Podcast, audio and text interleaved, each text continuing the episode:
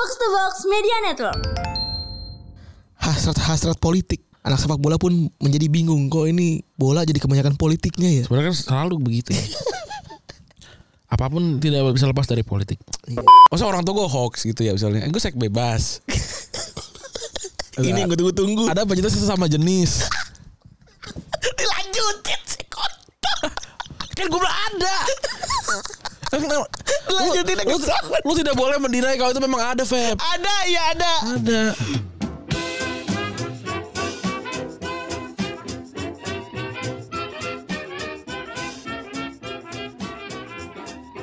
Podcast Retropus episode ke-497 masih bersama double pivot andalan Anda Gorandi. Dan gue Febri. Yo, minggu depan 500 episode. Eh, iya tepat minggu depan ya. Iya, tepat minggu depan. Nantikan Saudara-saudara.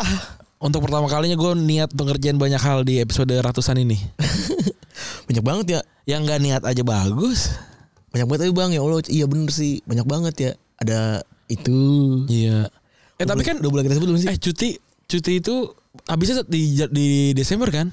Desember. Berarti gua harus ngabisin cuti gua. Boleh. Boleh. Iya. Bener bener bener habisin ah. di kosan aja tapi. Iya, turu. Iya. Laga kandang. iya. Kalau Anda pengen tahu laga kandang laga tandang datanglah ke Asumsi. iya bener.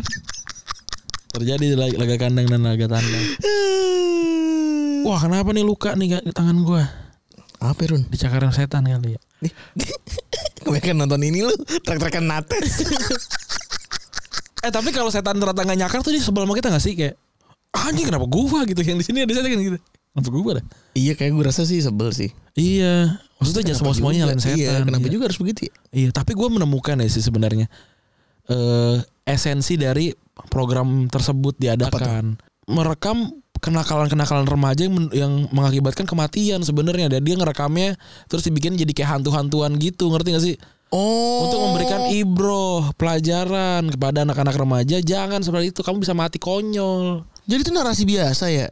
Ya nggak tahu ini kan gue baik-baiknya aja ya Iya, iya, gitu. iya, iya, karena iya. karena gue ngeliat juga ada tuh hantu yang men- yang meninggal karena meriam ini yang yang peletokan dar gitu tuh nggak Ada. ada didiskusikan ngobrol sama hantunya gitu Jadi ini oh ini ini Ustadz ini menarik juga ya.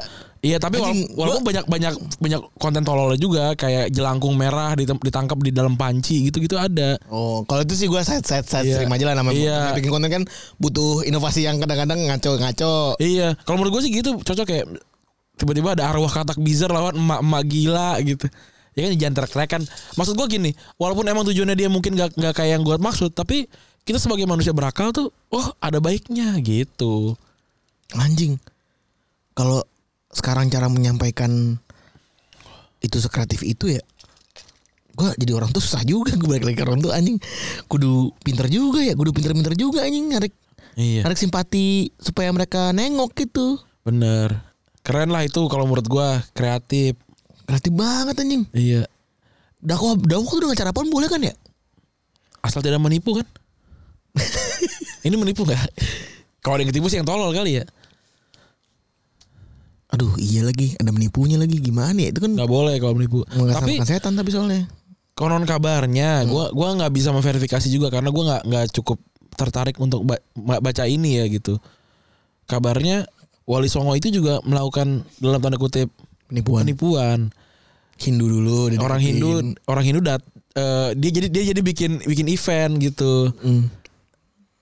Apa namanya wayang, night Wayang. gitu wayang night gitu. Tapi pas isinya masuk sahadat anjing. pas suruh masuk tiket FDC-nya tuh sahadat. sahadat gitu. Seorang masuk ya jadi Islam.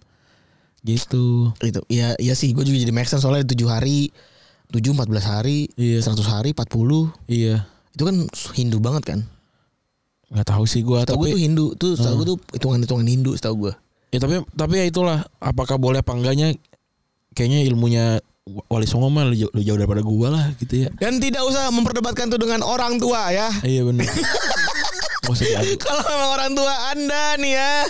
Anda pintar boleh ya kan? Kalau memang orang tua anda masih eh percaya tujuh hari 40 hari tapi setelah itu anda merasa jauh lebih pintar dan jadi durhaka sama orang tua lebih baik anda tidak usah berdebat.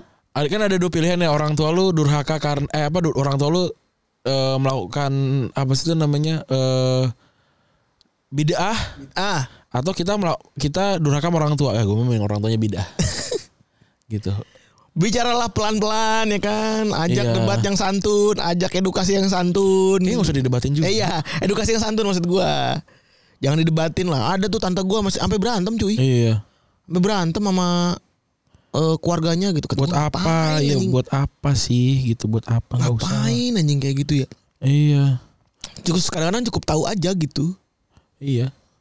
Jadi kalau buat gue mah orang tua udah umur segitu gitu dan kita juga kayaknya udah pernah ngomong juga kan ya salah gitu. Udah cukup lah, nggak usah. Mm-mm, Bisa bener. debatin. Apalagi tahun 2023 2024 kan kita sering buat malah kita mengeluh di sosial media orang tua kita melakukan tindakan hoax dan apa segala macam di di WhatsApp dan segala macam. Malah kita jadi kesannya Membiarkan. ya, membiarkan maksudnya orang tua salah gitu ya. Ya udahlah nggak apa-apa. Maksudnya kita juga menyimpang juga orang tuanya kita juga nggak apa-apa kali ya itu maksudnya kita masa sih kita mau orang tua kita eh, kita mau orang tua kita tidak demen apa berarti kenapa jadi ketawa nih gue jadi gak fokus nih lucu lucu.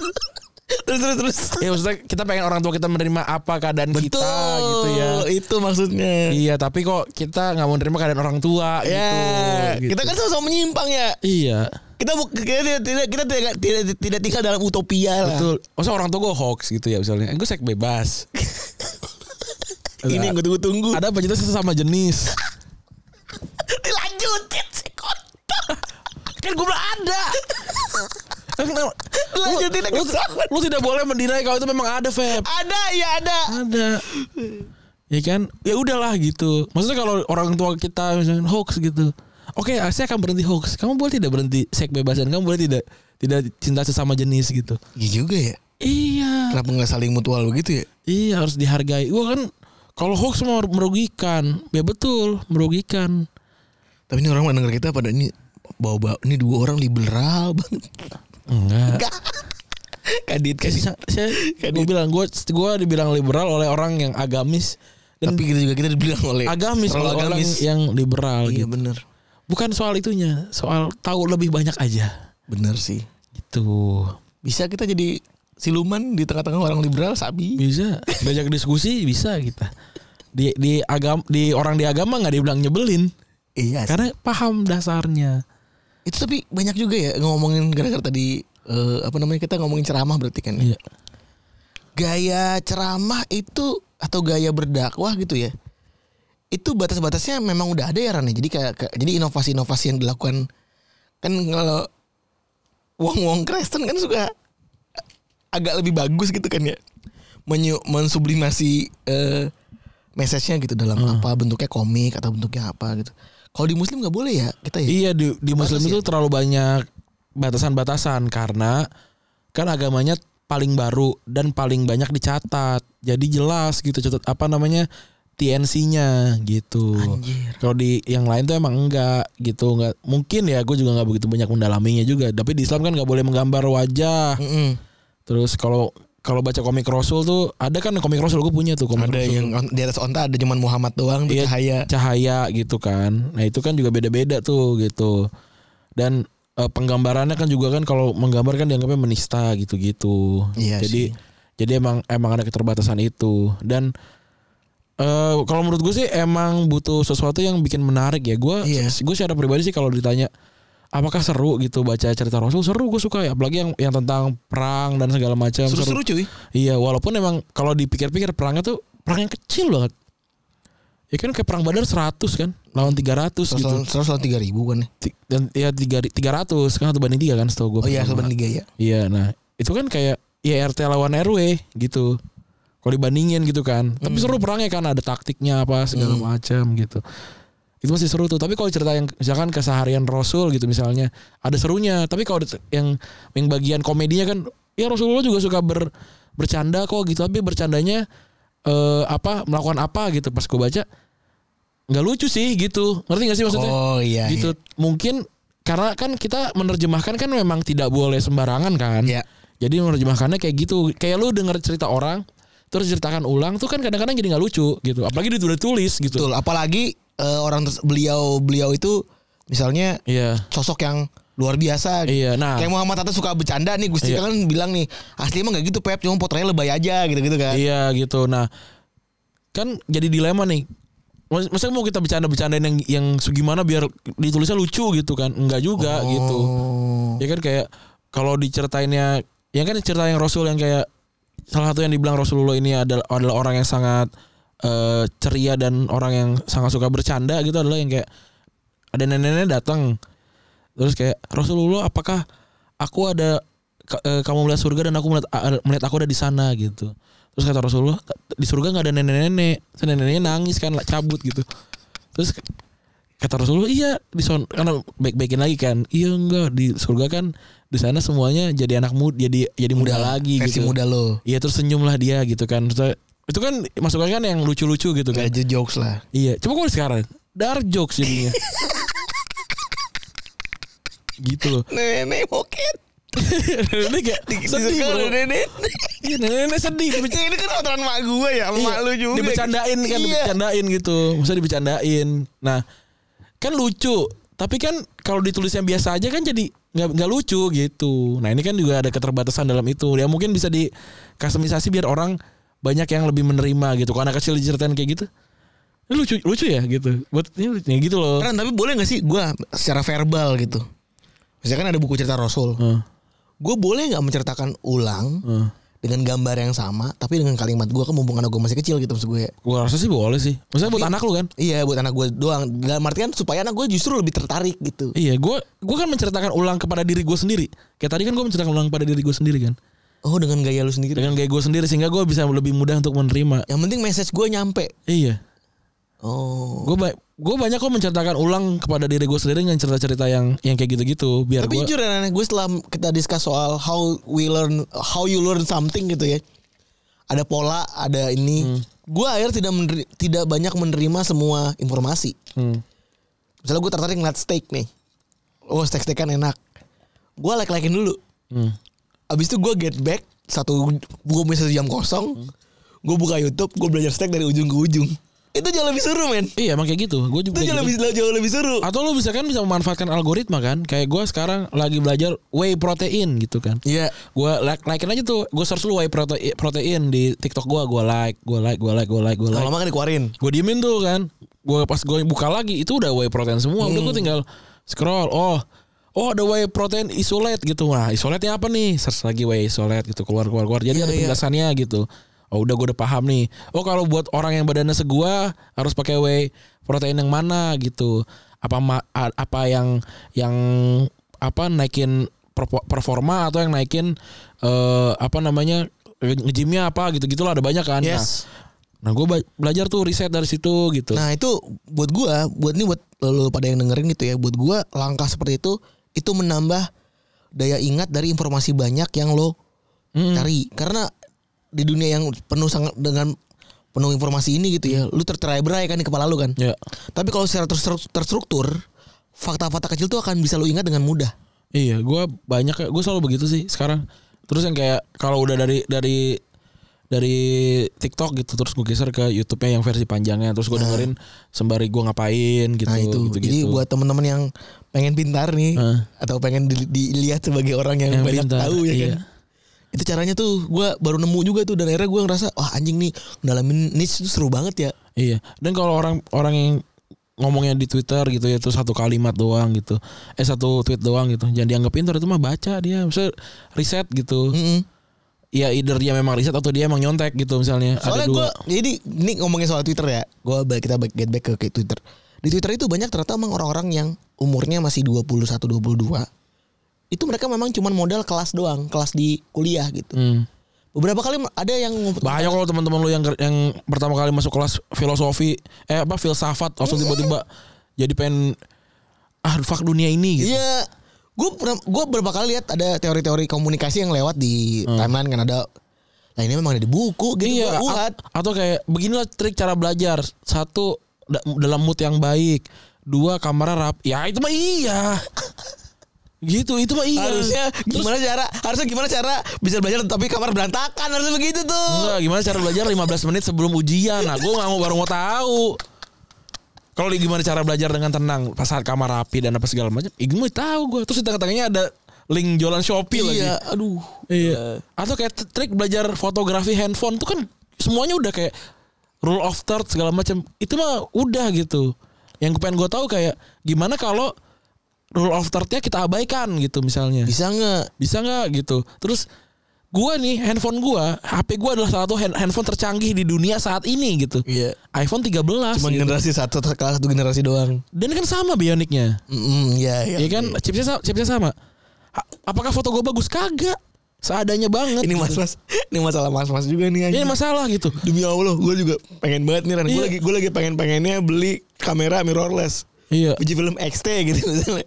Itu kan caca zaman dulu ya. Pas Iya. lagi zaman IG, lagi banyak foto. Iya, benar. Wah, ini kalau udah pakai uji film XT udah oke Keren banget dah. iya. Iya kan? Tapi gue berpikir ulang, apakah tragedi HP kamera HP kamera ini akan terulang kembali? Iya. Rasanya gue tidak ingin mengurangi beli barang 15 juta yang cuma bisa foto doang video doang gitu. Bener, gue foto gue jelek semua gitu, nggak nggak bagus gitu. Ini ini mah HP biasa pun bisa gitu ya. Mm-mm. Yang arti gue bakalan ngerasa kayak oh, once kalau gue ganti handphone, berarti gue nggak perlu ngejar level maksimal. Orang gue di, di level maksimal aja HP gua- kamera gue jelek gitu. Oh udah selesai berarti oh hidup gue dalam mencari handphone Tapi Ran ya ini gue punya teori juga terhadap orang-orang yang akhirnya make jasa Twitter for iPhone gitu-gitu gak sih? Iya Mereka tuh karena belum nyampe aja gak sih Ren? Iya belum belum ngerasain. Sama aja kok gitu. Gua gue punya handphone dua. Satu Sony Xperia Z, satu lagi ini iPhone 13. Gue foto cet cet, cet. Sama aja. Iya. Jadi buat teman-teman yang belum nyampe, kalau saran gua daripada teman-teman tuh iri, lebih baik teman-teman sabar aja gitu. Hmm. Jujur ya pas udah nyampe kadang-kadang begitu lagi gitu. Iya. Apalagi teman-teman yang bukan Apalagi- hobi enggak bisa gini. Buat teman-teman yang bukan punya hobi fotografi gitu. Iya. Gambar kita sama gambar Yuhu gitu misalnya. Itu mungkin jauh lebih bagus gambar Yuhu atau gambar Raviu gitu. Hmm. Ketika HP dipegang sama Raviu. Iya. Karena bener. mereka kan punya basis eh, kamera, kamera, iya, lighting, dan lighting. segala macam. Kita kan enggak. dan segala macem. Gua itu beli di Giosmo Heeh. Nggak dengan, pakai. dengan harapan pengen belajar gitu. Gue belajar. Hmm. Eh besok pagi kita ini kita bikin vlog ya. Ah boleh. Bawa ya besok bawa ya. Bisa gue bawa. Ada di kantor kok. Ntar tinggal gue masukin ke mobil aja. Tinggal, dicas. tinggal gue masukin ke mobil sama tinggal dicas. Iya. Wah iya bener juga itu bisa Bikin bikin vlog. vlog. Nggak maksud gue peng- penggunaan ketika Emang kita mau ke mana besok ya? Ya. penggunaan oleh orang-orang yang memang secara basic itu udah ada dibanding yang orang-orang Iya. kayak kita itu kita cuma kepake buat ngeliatin maps dalam artinya ngeliatin map foto apa segala macam udah bukan nggak pada juntrungannya gitu nggak Iya. akan maksimal juga nggak akan maksimal. Jadi kayaknya orang kayak gua cukup kayaknya pakai iPhone iPhone 10R deh. Orang gua nggak ngapa-ngapain juga gitu. tapi enggak lu kan enggak kan lu kan tetap butuh kebutuhan untuk uh, endorsement Ah elah nggak nggak seberapa bisa minjem handphone. Orang kiri kiri gua ada Raisa handphone iPhone 12. Depan gua ada Bella iPhone 13. Tapi pinjam minjem aja. Berapa kali sih gua endorse sebulan? iya juga sih Iya, berlebihan. Ternyata gitu. gue masih ternyata ya Too much. Ya kalau nggak gue iPhone 12 dah, iPhone 11 dah gitu. Biar mantes. Ngapain beli handphone 20 juta? Aneh juga gitu.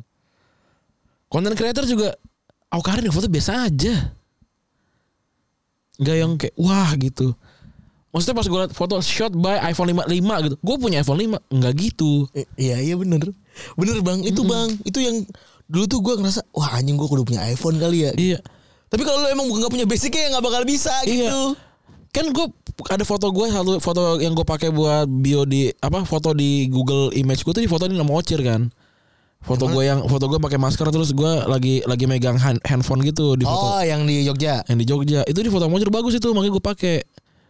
Terus eh iPhone dia kan iPhone 12 Pro ya gitu. Nah gue punya iPhone iPhone dia iPhone 12 apa 11 sih dia? dua eh Dua, iPhone 12 ya kan Pro 12. dia, ya kan. Terus nah gue naik yang satu level lagi gitu. Pas gue nggak nggak gitu. Berarti kan bukan salah bukan salah handphone ya salah actually gua, the man gitu. behind Iya apa jangan misal, misal gue bilang kamera gue rusak kan enggak orang belinya baru.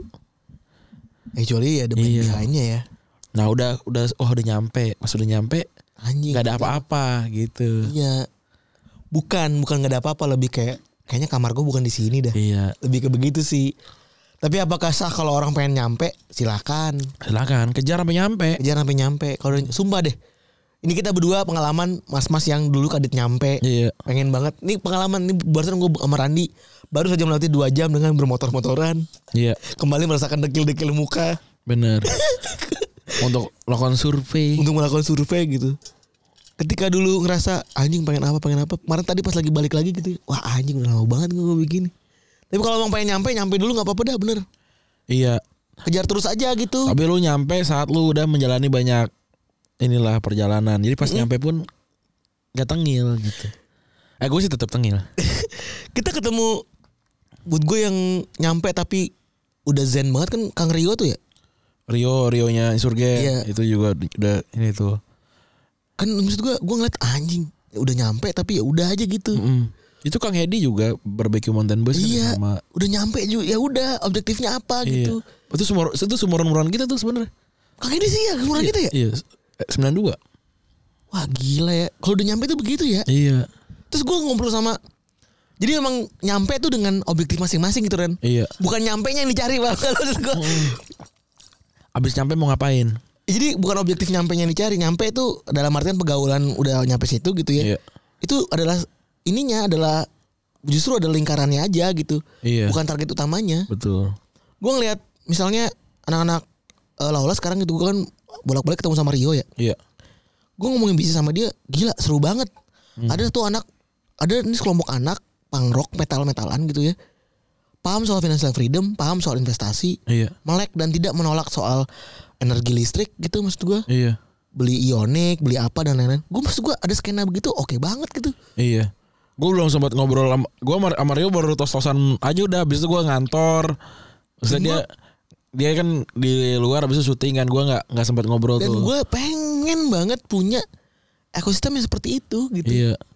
Tapi makanya kita harus nyampe dulu memang. Gitu ya itu ya itulah ininya ya yang jelas tadi kita gue sama Rani bilang kalau soal barang mah jangan buru-buru tergiur sama inilah sama hal-hal yang kayak gitu tapi kalau emang pengen ya udah silakan Iya biar nggak biar experience-nya iya biar nggak penasaran kalau udah pernah nyampe di level barang yang begitu. Entar kalau kalau udah ya kan mendingan handphone dah dibandingin tiba-tiba pengennya mobil gitu misalnya.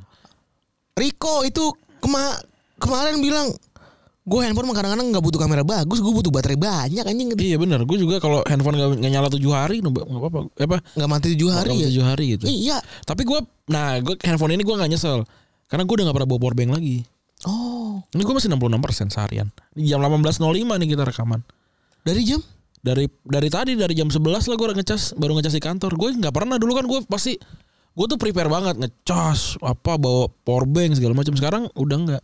Kecuali kalau besok kita mau pergi kan Bawa. bawa tuh powerbank, bawa apa kabel. Gue tuh laki yang resik lah gitu. Gue kan kabel semua kan lengkap. Mau Type C, yang mikro, yang iPhone tuh ada ada masing-masing satu, backup lagi ada gitu. Terus dongle gue mau lengkap gitu. Kalau dulu kan karena powerbank lah segala macam sekarang enggak itu dong berarti baterai ya baterai. Ya buat teman-teman yang pengen nyampe semoga kesampaian ya akan semua cita-citanya gitu. Dan Teman-teman semoga yang waktu sudah nyampe sesuai sama yang di Iya. yang diekspektasi. gue pengen mobil dulu pengen mobil pas udah punya mobil ternyata punya mobil pas-pasan tuh nggak enak ya. Iya. Akhirnya mobil gue bener nggak nggak keurus. Hmm. Terus gue nyoba ngasih learning ke orang lain. Oh ternyata orang tuh emang kudu orang tuh kadang-kadang kudu mentok dulu baru ngerasa oh iya kata Febri tuh bener gitu-gitu ya udahlah. Ya memang jalur manusia beda-beda ya Rannya. Benar. Emang ada penasaran dulu apa segala macam ya monggo aja. Iya. Udah selalu udah abis itu nggak- kabitaan pengen apa pengen Iya. karena orang gitu. Mm-mm. Kalau pengen ya pengen karena diri sendiri. Betul. Kalau emang pengen nyampe karena diri sendiri. Betul. Betul lah ya. Hmm. Kita masuk ke sepak bola ya. Ya. Eh karena hari ini harinya kita membacakan list, kita melihat Piala Dunia kali ini tuh penuh dengan hasrat-hasrat politik. Anak sepak bola pun menjadi bingung kok ini bola jadi kebanyakan politiknya ya. Sebenarnya kan selalu begitu ya. Apa pun tidak bisa lepas dari politik. Iya. Apakah hip- tentang hipok hipokrisinya lu merasa nggak itu hipokrit? Enggak. Gue justru jadi ayam mikir ya, ini emang orang berjuang dengan masing-masing aja gak sih? Iya, apalagi definisi politik kan juga nggak segalanya tentang hal-hal yang berbau politik yang di kepala kita gitu. Politik itu beneran luas. Gua pengen makan KFC, sedangkan keluarga gue pengen lebih suka makan McD. tapi lokasi terdekat yang dekat rumah gua cuma adanya Hisana gitu misalnya. Nah, gua sebagai orang yang pengen pengen KFC gua kan berpolitik. Kayak gue bilang lebih baik kita ke KFC aja karena apa? Karena ayamnya lebih enak. Kemudian kebetulan tuh KFC lagi ada promo gitu. Terus Iya. keluarga keluarga gua bilang, "Oh enggak, karena keluarga kita ini adalah keluarga McD." Eh, lebih baik kalau kita makannya McD aja gitu kan. Karena kita udah terbiasa sama lidah McD, ngapain kita pakai lidah KFC gitu. Cuma demi penasaran doang. Nah, satu lagi keluarga gue yang lain kayak, aduh malas ke mana-mana nih. Sebelah kan ada Hisana deket. Orang sama-sama aja ayam-ayam juga gitu. Nah baru tuh kita berpolitik tuh gimana caranya sampai ke tujuan masing-masing. Kan sama gitu. Nah kebetulan ini di di Piala Dunia. Piala Dunia kali ini kan di Qatar gitu di tempat yang sangat politik banget gitu. Ya. Apalagi orang yang mengatur media ini tidak ada di situ kan. Yang adanya di dunia barat lah gitu ya. Walaupun Qatar tuh ada baratnya kita sebenarnya. Jadi kalau oh ini mengandung budaya barat gitu. Arab-Arab tuh di barat semua.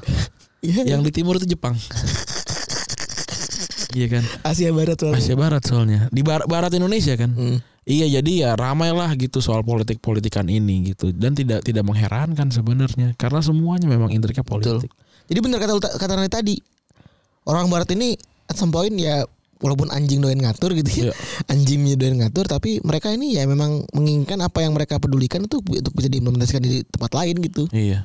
Dengan cara perumpamaan tadi Randi soal makan ayam KFC tadi gue rasa sih teman-teman juga pasti paham. Mereka mereka masing-masing akan teriak dengan cara yang masing-masing. Iya. Dan coba case by case akan coba eh gua jewatakan dengan cara Randi tadi ya. Kayak tadi yang pertama ini yang pertama dan sejak awal kualifikasi aja udah ada politiknya itu Rusia yang dis- diskualifikasi dari Piala Dunia ya. Iya. Karena FIFA dan UEFA secara kolektif memutuskan bahwa Rusi- semua tim Rusia baik timnas maupun klub itu ditangguhkan keikutsertaannya dalam kompetisi-kompetisi FIFA dan UEFA Iya. sampai pemerintahan lebih lanjut setelah Rusia kemarin menginvasi Ukraina. Dan timnas timnas Rusia itu se- se- eh, awalnya harus playoff ya lawan Polandia di babak playoff eh, kualifikasi Piala 2002 lalu. Tapi Piala Dunia akhirnya dapat bye dan akhirnya mereka eh, lawan Polandia eh lawan Swedia Iya. di final apa namanya di final kualifikasi dan mereka dapat tiket ke Qatar 2022. Benar. Dan po- politiknya adalah FIFA dan UEFA mungkin bekerjasama dengan Uni Eropa lain ingin Rusia itu menghentikan perangnya gitu. Jadi ada who gets what-nya, itu what-nya itu pengen, pengen berang perang lekas berhenti. Ya kan kalau dibilang yang berperang gak boleh kita Piala Dunia kan nggak bo- nggak bisa dong. Maksudnya kan banyak juga negara-negara lain yang ber- sedang berperang juga. Mm-mm. Kok pernah kok negara-negara yang berperang tapi masih tetap ikutan Piala Dunia kan ada. Irak banyak. Iya. Irak ada. Amerika kan menginvasi Irak Ah, kan perang menginvasi ikutan Piala Afghanistan, Dunia, iya. Afghanistan gitu kan. Emang kalau Israel tuh apakah sedang berperang sih kan kayaknya enggak hitungannya enggak perang itu Hmm. dibilangnya. Dalam terms perang tuh tidak tidak perang walaupun banyak yang menganggap dia sedang sedang menginvasi Palestina gitu. Tapi kan maksudnya kalau mau mendiskualifikasi Israel, Israel nggak lolos lolos Piala Dunia gitu. gitu. Walaupun kalau pas di lolos Piala Dunia, lolos Piala Dunia terus tidak dianggap tidak diperlakukan yang sama sama Rusia ya pasti banyak yang banget yang protes gitu. Ya apakah hipokrit? Iyalah menurut gua. Sepak bola kan gak boleh dimasukin politik. Ini kan malah, malah masukin Ini politik. malah politik ya. Iya. Apakah orang-orang yang tidak ikut perang itu tidak boleh ikut Piala Dunia? Faktanya banyak yang masih perang ya. Iya. Dulu Ivory Coast aja kan jadi damai gara-gara Piala Dunia ya. Ya nggak aneh menurut gua FIFA itu kan bilang pemerintah tidak boleh ikut campur terhadap federasinya gitu. Nah, berarti kan federasinya itu tidak ada hubungan sama piala sama sama pemerintah dong. Yang nyerang kan pemerintah dan tentaranya. Federasi kan nggak ikutan. Kecuali kalau federasinya bilang, ah, "Oke, kami ikutan, kami akan menurunkan semua pemain timnas ikutan perang." Nah, itu baru kan. Gitu loh. FIFA kalau kalau kayak gitu artinya FIFA bisa bilang juga, "Ya, ayo kita bukukan Amerika. federasinya Rusia gitu karena dianggap sudah nempel sama pemerintah kan enggak enggak, enggak gitu aneh Iya lagi anjing. nah, gue masa lo hebat Tapi Amerika nggak gitu. Eh iya deh. Ya anjing tapi mereka ya. iya ya kan serah mereka lah tapi at some point akhirnya terserah mereka aja. iya nggak nggak peduli juga gue gitu mau Polandia yang lolos mau Rusia yang lolos yang juara kan bukan mereka mereka cuma jadi tim huru hara. iya Cuma jadi tim penggembira. bener walaupun kan Polandia juga kan ngeri tuh waktu datang kan dikawal sama jet tempur Mm-mm. karena negaranya kebetulan diserang dengan Iya. nuklir Pas lagi nyasar yang dari Ukraina Iya, ternyata anjing banget. Bayangin aja di desa tiba-tiba ada nuklir mati dua. Sedih banget loh itu. Iya cuy, desa lu bayangin di Purworejo ada nuklir. Bener loh. Atau di Rorotan gitu misalnya. Iya cuy. Di ujung sana. Di Rorotan Tangerang ya. Acep banget ya bisa Jar, gitu ya. Iya. Terus juga ada dugaan adanya pelanggaran HAM. Ini pelanggaran HAM terhadap Qatar muncul setelah The Guardian melihat laporan yang mengungkap lebih dari 6.500 buruh migran dari lima negara meninggal di Qatar. Sejak sejak negara itu diterapkan menjadi tuan rumah Piala Dunia 2022. Gila 6500 ya. Ngaruh itu, Iya. cuy. Takut ya. Itu diduga mengenai- meninggal dengan dalam proyek infrastruktur ter- ter- terkait Pildun 2022. Dan da- data itu dihimpun dari berbagai macam sumber pemerintahan asal para buruh migran. Yaitu ada negara India, Pakistan, Ya Nepal. ampun, ya Allah. Ya Allah. Bangladesh dan Sri Lanka ya ampun. Yang begini ya. Perendapan Pendapat people. Aduh. perendapan people pada mati. ya, ya Allah. Aduh. Ya Allah. Ya Allah. Kita tidak- perlu sama orang mati ya, orang mati. Cuman kita kan punya stereotipe ya di kepala kita gitu. Iya. Aduh. Enggak maksud gue ya mungkin aja karena jorok gitu dibanding Enggak ini tapi anehnya tapi ini nggak pernah jadi isu yang besar gitu nggak bersama-sama ayo kita coba menuntut untuk eh, investigasi gitu ya kepada kepada hal ini gitu kok nggak nggak pernah gitu malah fokusnya ke nanti akan ada di eh, kampanye LGBT gitu Iya, ya gitu kan. Bener.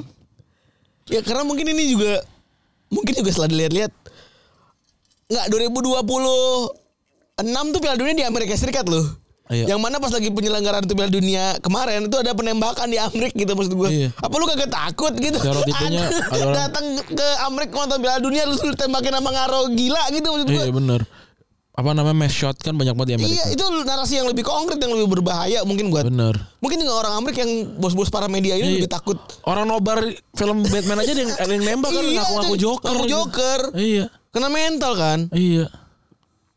Dan nggak ada negara yang Seliberal itu kalau ngomong soal senjata. enggak nggak ada negara yang memang benar-benar bebas gitu. Bener. Kalau bebas nggak ada stadionnya kayaknya. eh apa yang aman gitu ya kayak ah, Vatikan pasti aman karena kan dijaga banget kan. Tapi nggak ada stadionnya. Mau main bola di gereja. iya kan nggak bisa gitu.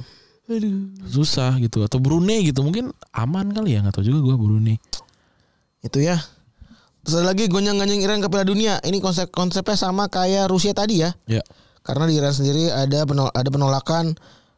Jadi ada banyak penolakan timnas Iran buat main ke Piala Dunia karena si ada demo besar-besaran ya akibat kemainan kematian Masa Amini. Iya. Masa Amin itu secara konteks itu uh, perempuan 22 tahun yang meninggal dunia dalam penahanan polisi moral. Iya, jadi dia ditangkap karena dia nggak pakai pakaian yang pakaian yang sesuai lah, pakai hijab. Akhirnya Iya. ditangkap sama polisi moral. Terus tiba-tiba meninggal. Betul. Meninggalnya juga nggak nggak boleh dibuka mayatnya, apa nggak boleh dibuka eh, petinya dan segala macam. Ternyata terjadi penyiksaan. Dan banyak juga yang terjadi kayak gini Di Iran ya. di Iran. Gitu, makanya Dan- tadi corot. Itu ada banyak orang, banyak pihak meminta Iran buat dicoret dari eh, apa namanya Piala Dunia ya. Salah satunya Ukraina yang ngotot ingin gantiin Iran dan juga Italia. Iya. Dan lagi-lagi kan gitu. Iran ya Iran, timnas Iran ya timnas Iran gitu gak sih? Hmm. Iya kan gitu. Jadi eh kalau emang pengen fokusnya nggak nggak boleh ada politik masuk masuk ke sepak bola ya ya, ya beginilah Tapi emang gak akan bisa kan? nggak bisa. Gak akan bisa ada politik yang tidak masuk ke sepak bola emang udah bisa. dasarnya masih bisa. Iya orang-orang yang mimpin Jadi aja kan gua- politik. Ya jadi maksud gue mending si FIFA-nya berarti yang hipokrit adalah FIFA-nya sebenarnya ya. Iya. Kalau untuk orang-orang yang mengedepankan politik dalam sepak bola just- justru buat gue wajar gak sih? Dan kayak misalkan FIFA juga bilang ke negara gitu kayak misalnya Indonesia perang lawan Malaysia gitu. FIFA bilang, "Eh, jangan perang ntar gue bukukan eh timnas lu gitu." Kalau emang perangnya penting buat harkat martabat dan apa pun tentang negaranya, negara kayak ya bodo amat timnas mah. Iya. Iya. perang ya perang. Gitu. Perang dulu, bola belakangan kan. Iyalah, nggak ada nggak ada nggak ada signifikansinya sepak bola itu cuma olahraga buat mereka. Itu benar tuh. Terus ada juga timnas Iran yang sempat tentang rezim Khomeini ya. Iya. Ini ketika momen langka ada di mana eh, di lawan eh, Inggris ya dia akan membuka itu timnas nolak nyanyi lagu kebangsaan anjing ini Iya. serem juga ya. Sampai ditegur kan ini. Iya. Sebagai bentuk ini eh, sebagai bentuk eh, penentangan mereka terhadap eh, pemimpin tertinggi mereka itu adalah Ayatollah Khomeini ya. Dan eh ya benar itu langkah berani sebagai dukungan timnas Iran buat simbol kalau mereka dukung si apa ya pendemo yang ngejuangin si Masami ini tadi ya. Iya bener Dan itu kan bentuk sikapnya tiap orang tuh beda-beda gitu nggak bisa diset. Nah gue pemain bola, gue tapi warga Iran. Karena gue mau mau dukung apa ya suka-suka gue. Tapi yang LGBT kata Rudiger juga sebenarnya gak setuju amat ya ada yang bilang. Iya itu. Rudiger sebenarnya gak pengen cuman nih biar kompak gitu-gitu kan. Hmm, hmm, hmm. Akhirnya ya terus tapi akhirnya buntut aksi itu timnas juga diawasi secara ketat dan pasukan militer ada nyusup di antara penonton. Bahkan sampai diancam kalau misalnya lu nggak baca Enggak nyanyi nyanyi, lagi, akan disiksa ya katanya. lu keluarga lu bakal disiksa dan diancam eh, di diancam anjing, diancam diancam buat anjing itu serem banget ya. Nah kalau kayak gitu FIFA mau melindungi nggak? Enggak juga. Insan sepak bola akan melindungi nggak juga. Jadi ya ya memang apa pemain-pemain ini ya terserah kalau memang mereka pengen bawa politiknya konsekuensi di mereka. Kalau misalkan enggak juga konsekuensi di mereka juga gitu. Jadi kick out of politik out of foot eh kick off kick politik out of football tuh bullshit. Nggak bullshit. Kalau yang ngomong. FIFA tuh bullshit. Iya. Tapi kalau ngomong FIFA tuh bullshit. intinya gitu. bullshit. Karena FIFA aja berpolitik kok. Nah, berarti mending di embrace sekalian aja dan dan mereka berarti berhak juga ya buat ngutarain value value dari mereka masing-masing. Iyalah, value orang beda-beda dan bebas untuk di apa namanya dikasih tahu value-nya apa. Nah, yang rame, yang paling rame Hmm. adalah kampanye LGBTQ ya. LGBT. LGBTQ Q, iya benar. yang mana selalu bergaung selama penyelenggaraan 2002 hilang semua tuh kampanye kuli mau mati itu hilang semua tuh berganti menjadi eh kuli mati tuh hilang semua ya Iya, ku- kulit mati nggak dibahas. kuli mati nggak dibahas ini bahas LGBTQ Bener. jadi negara-negara buat kekeh pengen ngampanyein dan ngebangun dan membawa simbol dukungan terhadap kaum LGBTQ selama peran Piala Dunia ya Hmm. Meski dilarang keras dan Qatar juga punya aturan tersendiri. Qatar memang secara terbuka punya larangan homoseks di negaranya. Ya. Dan homoseks dia diketahui masuk ke dalam kategori kriminal dengan ancaman penjara hingga tiga tahun di Qatar. Wah, itu mah udah clear ya. Mm-mm. Secara hukum ya. Bener. Secara hukumnya Qatar gitu. Iya. Nah kalau orang-orang pada nggak setuju, marahnya sama FIFA jangan sama Qatar. Kenapa nyenggaran di Qatar? Iya, kenapa Qatar sampai masuk ke ke apa bidding Pi- Piala Dunia? Artinya kan di awal Qatar memenuhi Syarat. syarat sebagai Piala Dunia apa Penyelenggara Piala Dunia. apa penyelenggara Piala Dunia. Dan persoalan atribut ini lantas bikin FIFA ngingetin Qatar supaya ngizinin simbol pelangi ada di gelaran Piala Dunia. Wah, ini gila juga ya. Iya. Tapi simbol pelangi juga kan bisa beda-beda gitu menurut gua. Maksudnya kayak anak kecil lu, anak lu pakai baju My Little Pony maksudnya. Terlalu tapi kayaknya nggak segitunya juga sih. nah, iya. Maksud gua Tapi ada orang yang yang dikeluarin dari stadion karena pakai simbol pelangi kan. ada tuh mah emang clear. Kalau giring waktu pakai baju tie dye gitu diusir gitu. Enggak sih, cuma itu bajunya berwarna. Iya. Tapi iya juga ya. Itu kan sublimation message aja sebenarnya. Tapi emang orang-orang barat ini emang ngeyel juga sih gitu kayak diwawancara pakai baju pelangi. Ngapain sih lu gitu? Bener. Yang Kayak- yang di sini juga ya. Yang- Nggak, nggak ya kalau di sini sih.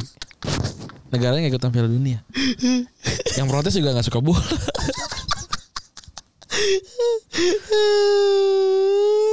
Aduh, ya akhirnya butuh olahraga ini kan eh, pemain Jerman tuh kayak Jerman itu bikin tutup mulut, Apa kan bilang mau keluar dari FIFA gitu ya. ada ancaman. Terus main di mana?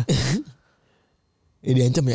Eh kalau itu berarti kayak kalau keluar dari sekolah pindah sekolah lain bisa gitu. Mm-mm. Ini mau pindah ke mana? Mau pindah ke Konkakaf apa Konmebol? Bahkan ada beberapa negara yang juga pengen pakai ban kapten One Love Mm-mm. Yamaha. sebagai kampanye. sebagai kampanye LGBTQ ya. Iya. haknya masing-masing orang dan ya udah kayak gini ya udah akhirnya timnas Prancis juga bahkan eh, menteri olahraganya Amelie Oda Castera itu nyuruh juga anak-anak orang-orang Prancis buat main timnas Prancis buat ngelakuin hal yang sama kayak Jerman ngadi-ngadi nih buat sama juga dan akhirnya kemarin juga sempat ada pitch invader ya Iya. Yang Masuk ke dalam. Yang jadi yang jadi ini kita nih desain artwork kita tuh. iya masuk ke dalam Itu udah politik banget tuh ya depannya ada anjing ini, ini orang ini orang tuh bawa message bahwa dia pengen kayaknya pengen kick eh, politik atau football deh. dia dia dia bawa semua message-nya Heeh. depan itu LGBT kalau salah kan. enggak Oh, Iran. LGBT ya? itu dari ini dari bendera Ini gue ada gambarnya sih. depan itu Iran ya Nah, lu lupa gue. gue lupa gue juga lupa belakang itu kok nggak salah Qatar ini ya Di mana sih? Oh di grup. Mm-mm. Coba gue lihat. depan tuh ada tulisannya Save Ukraina. Save Ukraina. Terus belakangnya Respect for Iranian Women. Bener. Terus dia bawa bendera Oh bendera LGBTQ. Itu tuh semua semuanya tuh ditang- dimasukin semua tuh. Iya. Tapi kalau ditanya, wah kok save ya, Ukraina doang nggak save Palestina gitu? Ya waktu lu angkat bendera Palestina kan juga dia, dia orang juga nggak nanya kenapa lu cuma bela Palestina nggak Ukraina kan? Beda-beda memang. Konser orang beda-beda. Konser orang beda-beda gitu. Nah terus gara-gara Jerman bikin itu akhirnya naik lagi isu rasisme. Iya. Qatar ngangkat poster muka Ozil. Iya. Atau kayak kalau gua Nyindir. kalau gua menang gua orang Jerman tapi kalau gua kalah gua imigran gitu. Iya. Giliran wah Jerman ngomong LGBTQ eh, eh, LGBTQ giliran Ozil disingkirin. Gitu. Padahal ngaku eh, Ozil dapat dapat intimidasi dan rasialisme katanya Iya. gitu. Terus eh ada lagi terakhir adalah permusuhan AS AS dan Iran ya. Iya. Ini yang paling hacap adalah wawancara dua pemain eh apa namanya dua pemain eh satu pemain AS dan juga pelatihnya itu ketika diwawancara si pelatih AS Greg Be- Belharta sama kapten AS Tyler Adams kemarin Hmm. itu tanya-tanya dengan pertanyaan yang sangat aneh Iya. dan gila-gila dari para jurnalis Iran karena kemarin sempat ada statement yang luar biasa kan Queiroz ngomong apa ngekritik Klinsmann eh dikritik Iya. sama Klinsmann dan Klinsmann, iya. bahwa permainannya mengintimidasi dan lain-lain Iya. Si Greg Belharta sama Tel Adam ditanya pertama bagaimana perasaan Anda yang mewakili negara rasis di Piala Dunia ini Oh. sama jurnalis Iran. Gila sih. Bayangkan seakord apa tuh press conference ya. Terus yang kedua, olahraga ada sesuatu yang seharusnya mendekatkan bangsa dan Anda adalah seorang olahragawan. Mengapa Anda tidak meminta pemerintah Anda untuk menarik armada militer dari Teluk, Pers- Teluk Persia? Ya, lah urusannya gimana nih gua gitu. Susah juga. Kalau lu kalau lu nanya itu ke Bambang Pamungkas itu atau ke Greg Nwokolo atau Bio Paulin gitu misalnya. Gimana nih tentang isu gitu? Apa disebutin gitu? Bingung dia juga gitu. Terus eh, pertanyaan terakhir, apakah Anda boleh mewakili negara Anda yang memiliki begitu banyak diskriminasi terhadap orang kulit hitam di perbatasan sendiri? Ini nanya ke orang kulit hitam nih si Tyler Adam. kalau gue sih bakal nanya balik. Kalau menurut lu boleh nggak gitu? dia akhirnya Tyler Adams ngomongnya itu agak kayak jawabannya tuh dia bilang kalau ya gue minta maaf sama jadi kan si Iran kemarin sempat dihilangin tuh logonya sama Amerika Iya. logo Islamnya kan. Bukan bukan sama Amerika itu sama sama media. media Amerika kan. Ya, logo Allahnya dihilangin. logo Allahnya dihilangin. Apa tulisan Allahnya dihilangin. iya logo agama agamis dihilangin. Terus eh protes. Iya. untuk protes dan Adams disindir dengan hal tersebut. Tyler Adams balas gue minta maaf kalau misalnya emang lu kemarin eh gue turut simpati kalau kemarin lu bener dalam benda lu hilang. Tapi yang jelas gue juga di Amerika ngalamin diskriminasi. Hmm. jadi ya udah Sama kita. setiap orang setiap orang di dunia ini di pelosok mana pun mengalami diskriminasi yang berbeda-beda Iya. gitu akhirnya storm out dengan kaku aja itu Hmm. ininya eh press conference Iya. tapi kalau begini nggak sehat juga gitu maksud gue out of context jadinya Iya. jadi nggak sesuai sama ininya sama- Mengerikan jadinya. sama, semangatnya ya begitulah ya apa yang terjadi di politik apa yang terjadi di Piala Dunia tidak lepas dari politik jadi eh di embrace aja kalau menurut gua. Kalau fo- fokus sama ini ada politik ada politik ini politik itu lebih kayak nguliknya kayak apa sih yang terjadi kalau memang itu terjadi gitu. Hmm. oh ini berarti oh siapa yang diuntungkan oh ini oh siapa yang Nah. dirugikan gitu. Itu lebih menarik kalau buat itu lebih menarik benar. Itu dan lebih seru melihat gimana dari mana sih eh feminis berasal dari mana sih paham child free berasal gitu gitu itu menarik nyari, nyari unsur asal usulnya Iya daripada kita fokus sama siapa yang ngomong kayak Gita Saf gitu misalnya. ya. Hmm. Lu cek dulu dia tuh bacanya buku apa aja gitu. Betul. Nah, kulik deh apakah memang sesuai tuh pemikirannya memang dari buku apa gitu-gitu. pasti ada runutannya gak sih Ren? Ada pasti. Ada gitu. Kalau dicek di runutannya oh si The Massive ini ikutin eh, apa Aerosmith gitu misalnya cek. Oh ternyata memang si ininya siapa namanya Rian The Massive suka Aerosmith apa segala macam. Oh tidak terlepas dari influence. Retropus juga sama kan tidak terlepas dari banyak influence influence Hmm. Oh, iya bener ya. Tinggal dicek aja oh si Randy baca buku ini gitu. Pasti keluarnya outputnya ini gitu. Oh dia sekolah dari sini. Oh pasti kayak gitu. Itu lebih menarik, dia lebih Iya. menarik dibanding kita mengutuk mengutuk mengutuk. Iya, gitu. Lebih lebih seru riset tentang itunya. Tapi apakah su- masih sudah penting untuk meriset kita berdua gitu misalnya atau sudah penting meriset kita Saf itu pentingnya apa? Gue sih nggak nggak penting itu. Gue sih lebih penting untuk memperkaya diri gue sendiri sampai waktu gue di riset orang kaget anjing banyak juga nih layer orang ini ya. Ah, itu dia bener. Bener gak tuh? Itu paling oke tuh. Sampai kita di riset jangan kita riset orang mulu. Iya. Oke kalau gitu deh. Makasih teman-teman sudah mendengarkan ya. Gue Randy cabut. Gue Febri cabut. Bye.